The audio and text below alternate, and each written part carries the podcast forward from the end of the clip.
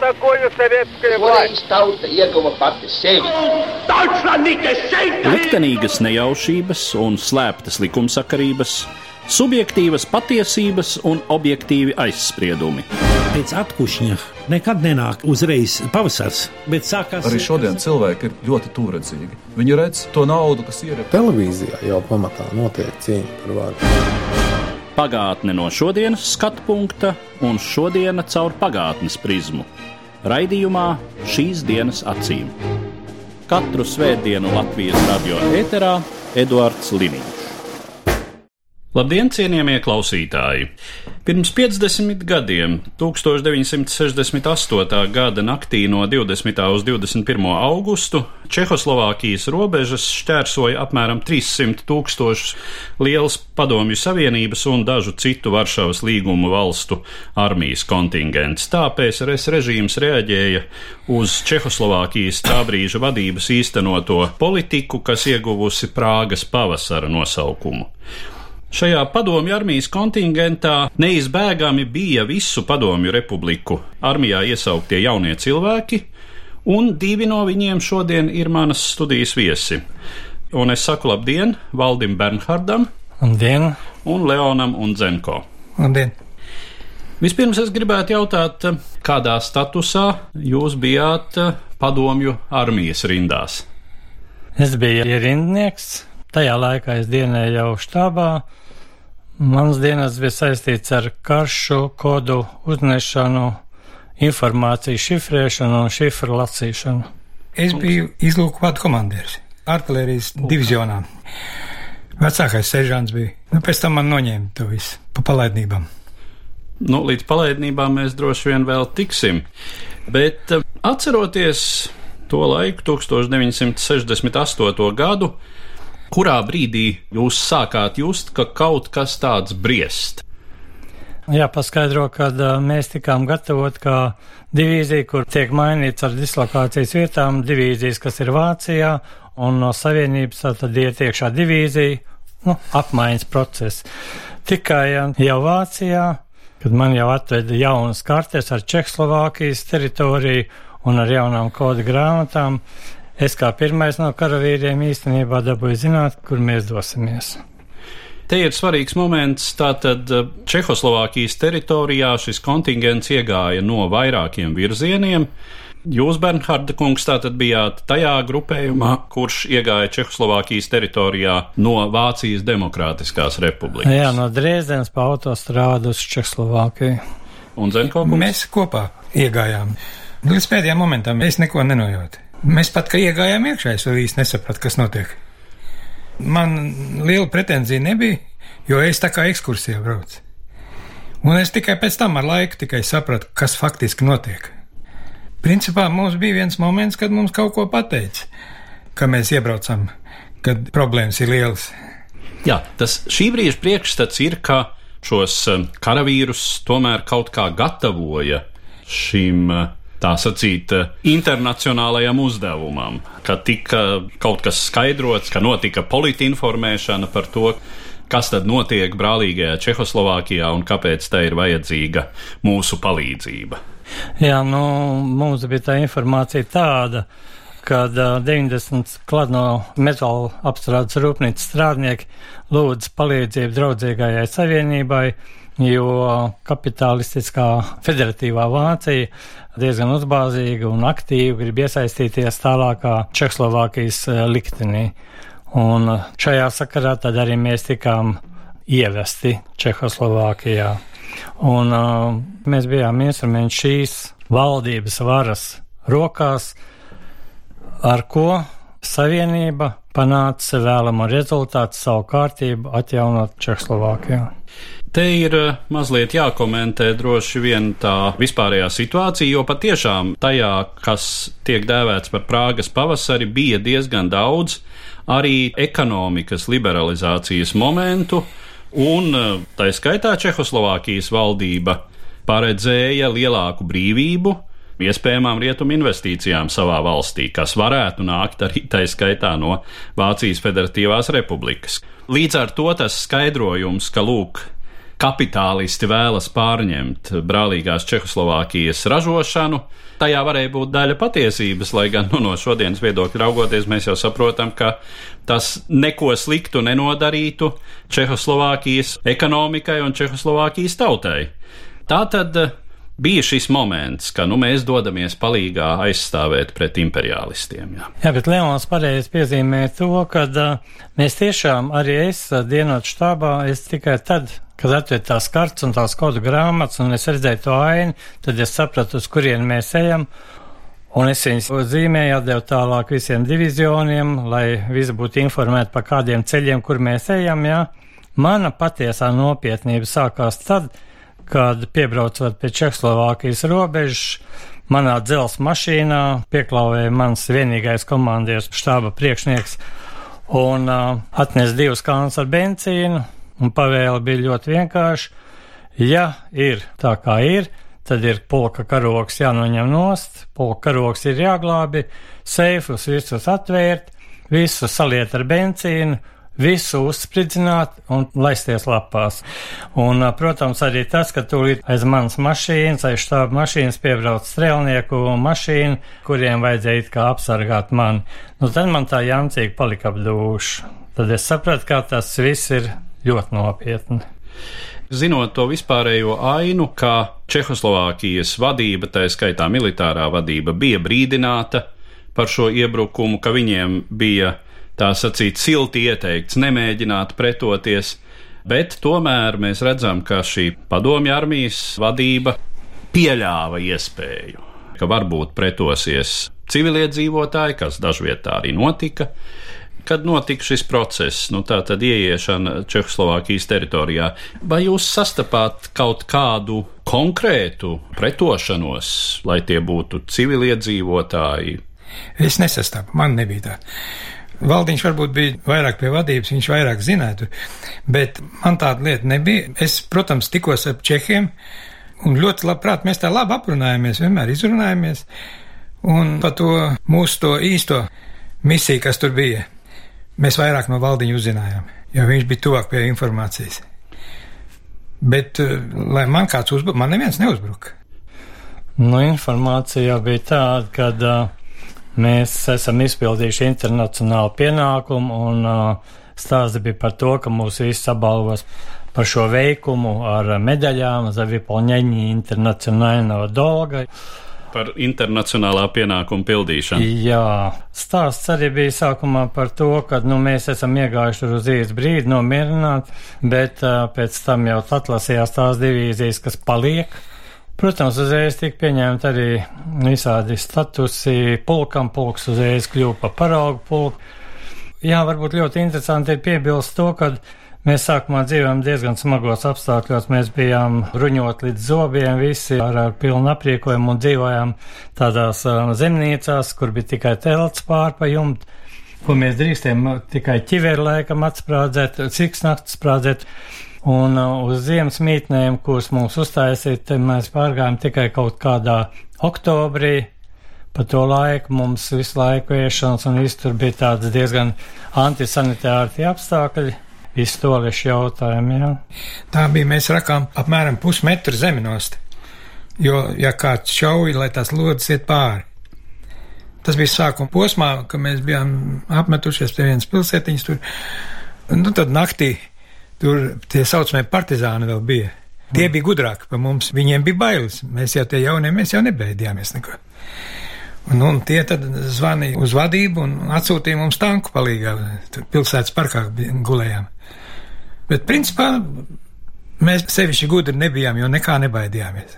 Bet, nu, kā jūsu pieredze rāda, īpaši baidīties arī nevajadzēja. Nu, es atkārtošos, ka ir zināmi gadījumi, kad Jā. ir notikuši uzbrukumi. Tur runāja daudz par to, ka ir bijuši uzbrukumi, par to runāja, bet es personīgi nedabūju redzēt tādu lietu. Nu, varbūt mums jāpaskaidro, ka mēs tomēr bijām artilērijas pulkā un mēs turējām zem mērķa attiecības objekts. Mēs nepiedalījāmies tajās pilsētu pārņemšanās, tātad mēs bijām distancēti no tiem lieliem notikumiem.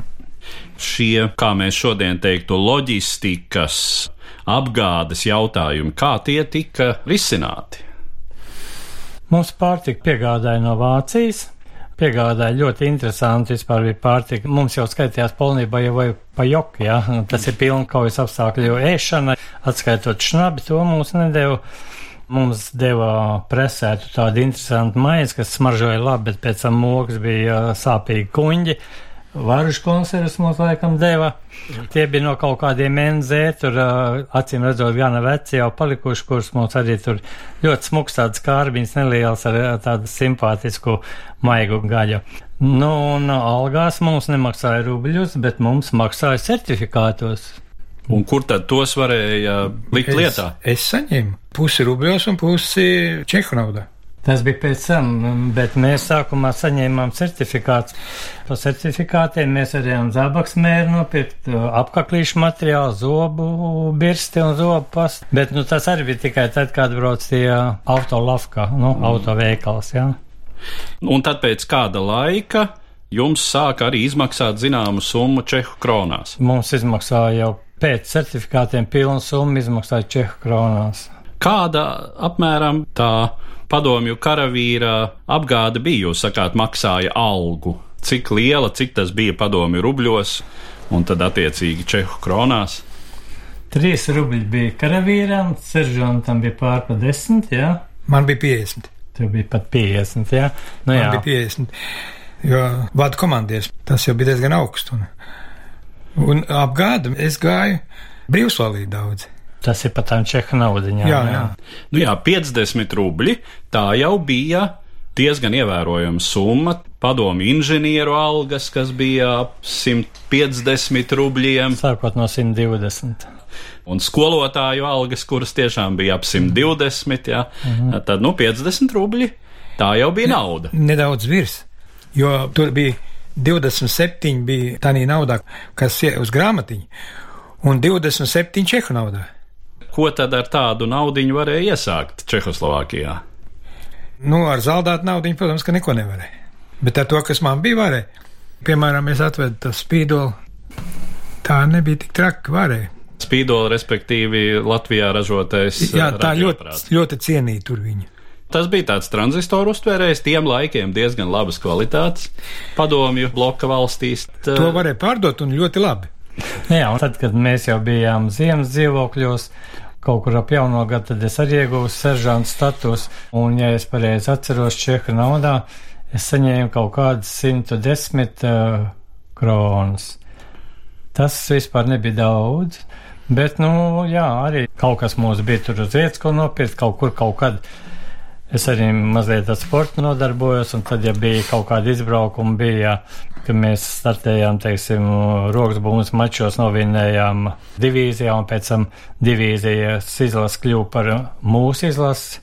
Mēs aizbraucam uz CGV, centrālā grupa Voice čempionātu, un tad mēs arī tur kaut kur pa ceļam jau karavīrs vienmēr atradīs iespēju.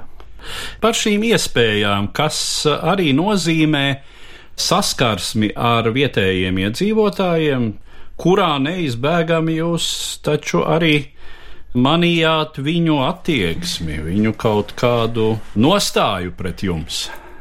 Mēs jau, Valdiņš arī viņš varbūt kaut reiz runāt, mēs uz krogu gājām. Pārģērbāmies privātās drēbēs. À, tāda iespēja bija. Nu, mēs dabūjām. Es nezinu, kā tev bija arī Valdiņš. Nē, nu kā, nu mums bija pat trījiem viens apģērbs. Mums Nē, mēs trijotā vienreiz bijām. Bet... Nu, tad mēs gājām ar mizdrēbēs, bet à, mums laikam, bija jā. pat trījiem viens krekls, viens bikses, viens žaket un viens kaut kāds kurps. Un es biju vidējais, viņš bija īsākais, un Jānis un Raimons Nelaids bija garākais. un, un tas bija mūsu, Man, kas mūs slēpās no, vienā vietā, tur pie mežaņa mūsu drēbes. Man bija pilns komplekts, bet bija tā, ka tanī Čehu, tanī krodziņā mēs dzērām aliņu. Nu, no sākuma mums lika maksāt par katru krūzi, bet pēc tam tāpatās kā Čehiem vilka strīpiņas. Attieksme ļoti izmainījās. Mēs paši izmainījām viņu. Mūsu attieksme bija labvēlīga pret viņiem. Un... Lai gan to, ka jūs esat no šīs šeit ienākušās, nu, faktiski tu... okupācijas armijas, to viņi saprata jau. Pirmās reizes viņi diezgan tā, diezgan atturīgi pret mums bija. Kādā valodā jūs sazinājāties? Nu, ļoti vienkārši jau bija. Jāņos mūsu dienas biedrs, kas autorotā diena, benzīna kantīri ir. vajag galu. Velkam sērkociņus, velc vai nevelc, bet man būs jāiet, jo man tā laimīgā roka vienmēr uz tiem špičkām. Nu, jāpārvien bija pāri pa tādu lauku, tā diezgan tā uz priekšu, pat tālu pie raids, kas krodziņš saucās Pivnice pod Raitskiem. Nu, es aizēju turien, es tā rūpīgi apskatīdamies, ieju iekšā. Tur tā bufetniece bija tāda, nu, kārtīga tāda bufetniece, dūšīga, jā. Un cohceš, hcem pivo, kolīgi flašku. Nu, kāda tev flašku, kad tev ir kanna jāpiepilda? Mums eh, drusku jāpatulko. Nu, cik tev tur tās pudelītes, jā? jā. Nu, kādas pudelītes, ja man ir kanna un tā. Nu, penīze māš, nu, vai naudiņa ir. Nu, es parādu, ka man ir. Nu, šī man kausiņu piepilda, es sēžu pie galdiņa un man pilda kannu. Reiz kā tur bija, kā nē, bet, nu, vai met man ar roku un es nu satraukts arī ieskrien tajā virtuvē. Virsnieki iebraukuši padzerties salu. Virsnieki padzērās, man izlaida no virtuves, atkal turpina, turpināja pildīt kanniņu un Un tā es to pilno kannu atkal tiku apakaļ līdz pulkam. Un... Jūs jau tik daudz pratāt, ka varējāt sarunāties čehu valodā.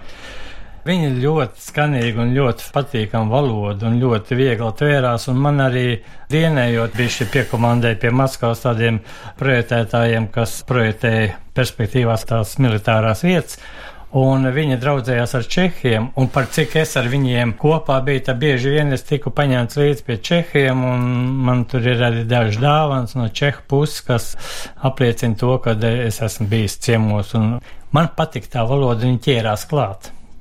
Faktiski viss jūsu stāstītais rāda, ka nu, tā reālā situācija lika sadzīvot un uh, atrast tos saskarsmes punktus par spīti tam, ka jūs bijāt tomēr okupācijas karaspēks tajā brīdī, tajā teritorijā.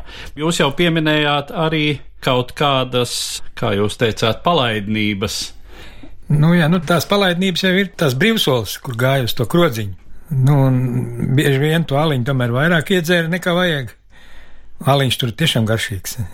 Bija es, un ir joprojām. Jā, nu es tagad biju aizbraucis, es biju iebraucis tur kur tas krodziņš bija, gribēja apmeklēt, un nav vairāk tā krodziņa. Un tur, kur mēs bijām apmetušies, kur mūsu pulks stāvēja, tur viss mājiņas tika jaukts nost un taisīts kaut kas pa jaunu. Es tur biju iebraucis. Nu, man savukārt arī jāmin, bet man šķiet, ka toreiz Leons nebija, ka bija tas uh, Raimons, mēs krodziņā un sēž pie galdiņa viena simpātiska blondīna Tu jau, protams, karavīrs, tu jau nevari, tev jau tomēr 68. gads, kad mēs gājām tur iekšā, un ka iekšā jau bijām, jā, tur minimods viss, un mēs tur tā, a, nu, un tu jau visu laiku tās acis uz to pusi, to pusi, beigās man tā aicina laukā, un es arī zēju laukā, tā blondīna un vīrs tāds pār pa me, diviem metriem, tāds dušīgs. Un tad tas jautājums bija, kas jūs tādi esiet, jā, nu, nē, nu jūs neesiet Krievu.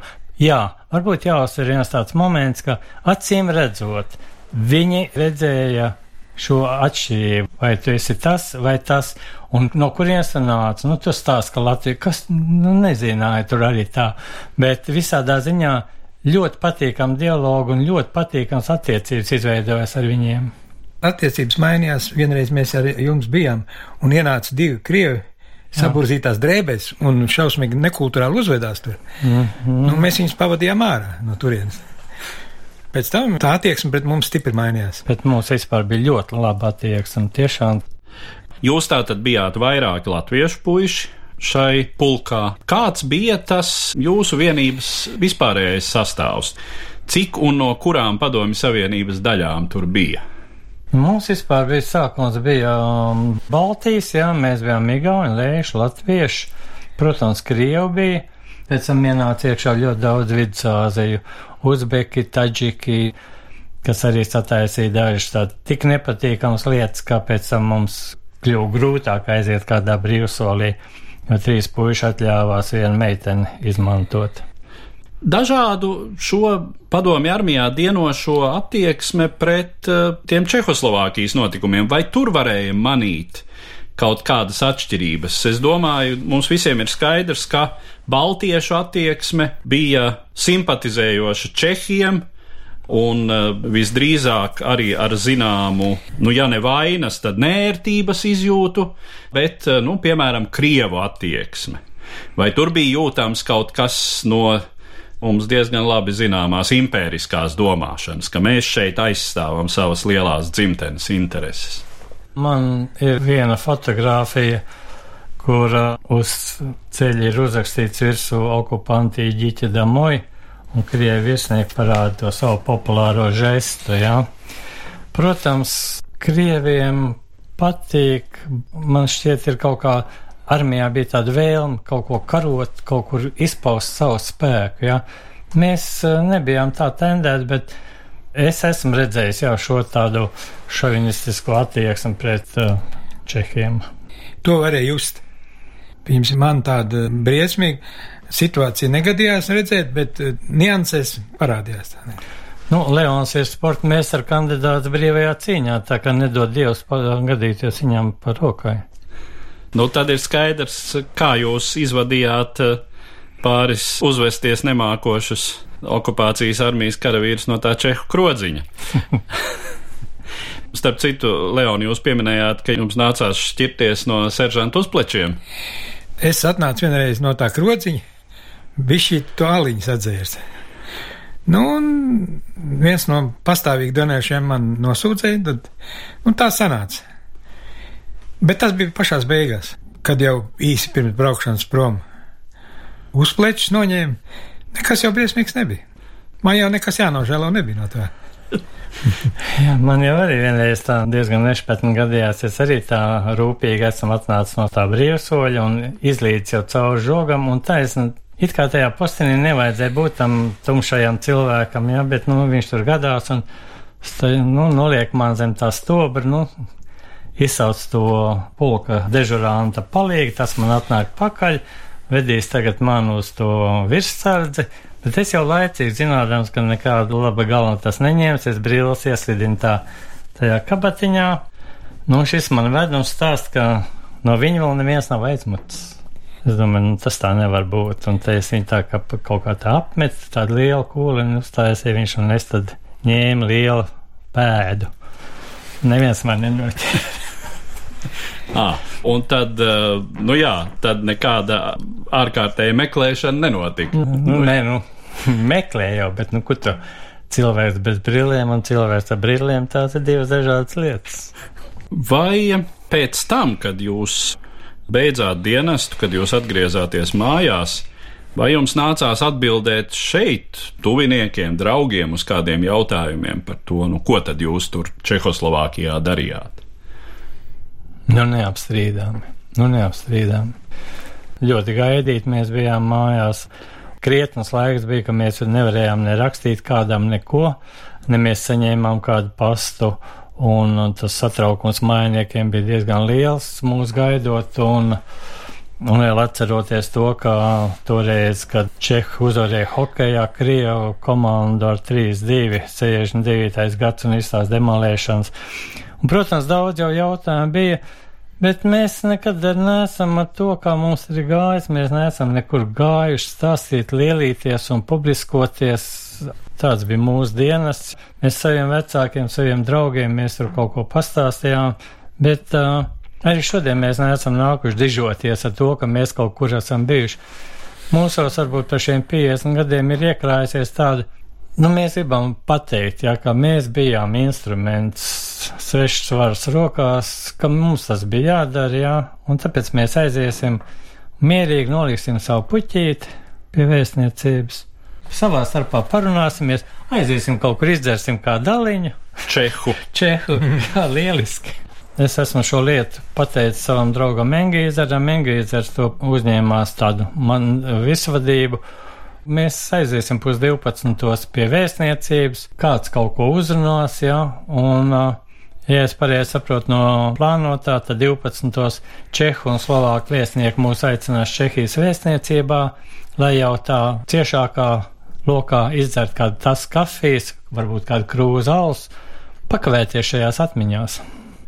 Vai tajā brīdī, kad 80. Eh, gadu otrajā pusē mēs paši sākām kļūt līdzīgi 68. gada Čehijam, un Slovākiem, un eh, kad sākās atmodas process, vai tajā brīdī jūsu attieksmi un jūsu izjūtas kaut kādā ziņā ietekmēja tas, ko jūs bijāt pieredzējuši 68. gadā?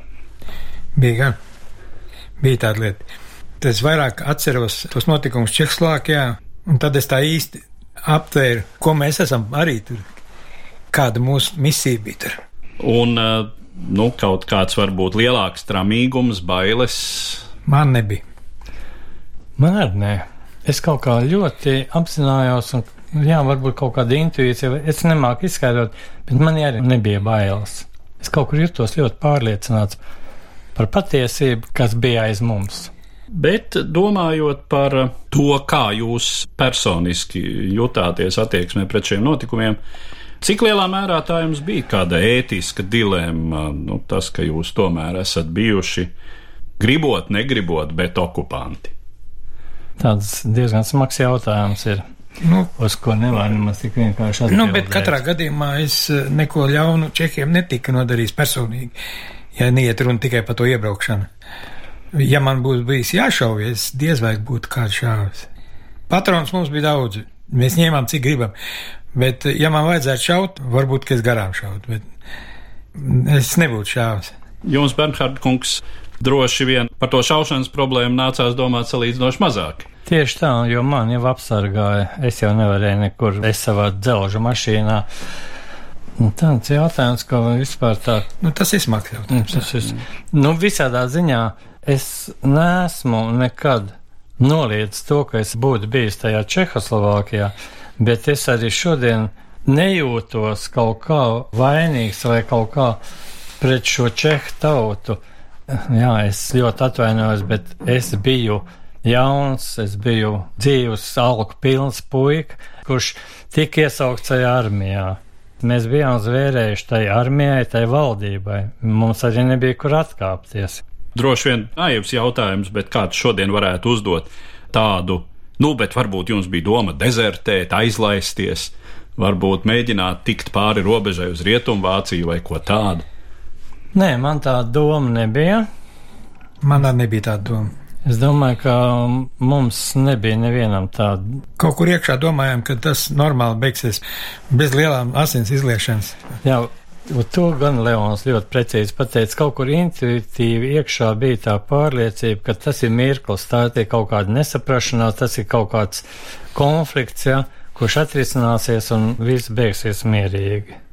Par laimi jāsaka, ja mēs neskaitām salīdzinoši nedaudzus šos ekscesus, jā, kā zināms, tiek minēts, ka karaspēka ieviešanas laikā uh -huh. gājuši bojā 108 Čehoslovākijas pilsoņi un vairāki desmiti padomju armijas karavīru. Nu, un tad, jā, jūs jau piesaucāt tur kādus gadījumus, kur arī šīs armijas pārstāvji pastrādājuši tātad noziegumus, šī seksuālā vardarbība. Nu, man gan jāsaka, ka es arī zinu vienu gadījumu, tas ir no Rudbāžiem tāds Burlīts Rihards. Viņš nomira Potsdams hospitālī. Tur bija daudz citādi stāstu. Tie bija stāsti, jā. Šis ir konkrēts gadījums, ko es zinu. Bet tiešām nebija lielas asins izliešanas, un katram tais notikumos iesaistītajam Individuāli, protams, šāds iznākums bija vēlamāks, pozitīvāks, tā skaitā jums. Neapstrīdam, jā. Ka nenācās izšķirties par to, vai šaut pāri galvām, vai šaut virsū, ka tāda situācija tomēr nebija. Nu, bet eh, es teiktu, ka jūsu liktenis rāda visnotaļ, cik ierobežotas mēdz būt indivīda izvēles iespējas tādās vēstures situācijās ar šādu mērauklu mums vienmēr arī ir jāvērtē katra individuālā cilvēka rīcība un izvēle. Nu jā, un mēs esam tikai divi, kur izteica to, kā mums tas bija. Un katrs karavīrs, kas tur ir bijis, tam ir savs stāsts, un tam bija sava, un tam bija grūtāk, un tam bija skarbāk, un katrs no tiem stāstiem ir savādāks. Es domāju, ar tādu secinājumu mēs arī varētu noslēgt mūsu šodienas sarunu sarunu ar diviem 1968. gada Čehoslovākijas notikumu tiešiem līdzdalībniekiem, tobrīd padomju armijas karavīriem Valdi Bernhardu un Leonu un Zenko. Paldies, kungi! Paldies! Paldies. Katru svētdienu Latvijas radio viens par pagātni sarunājas Eduards Līniju.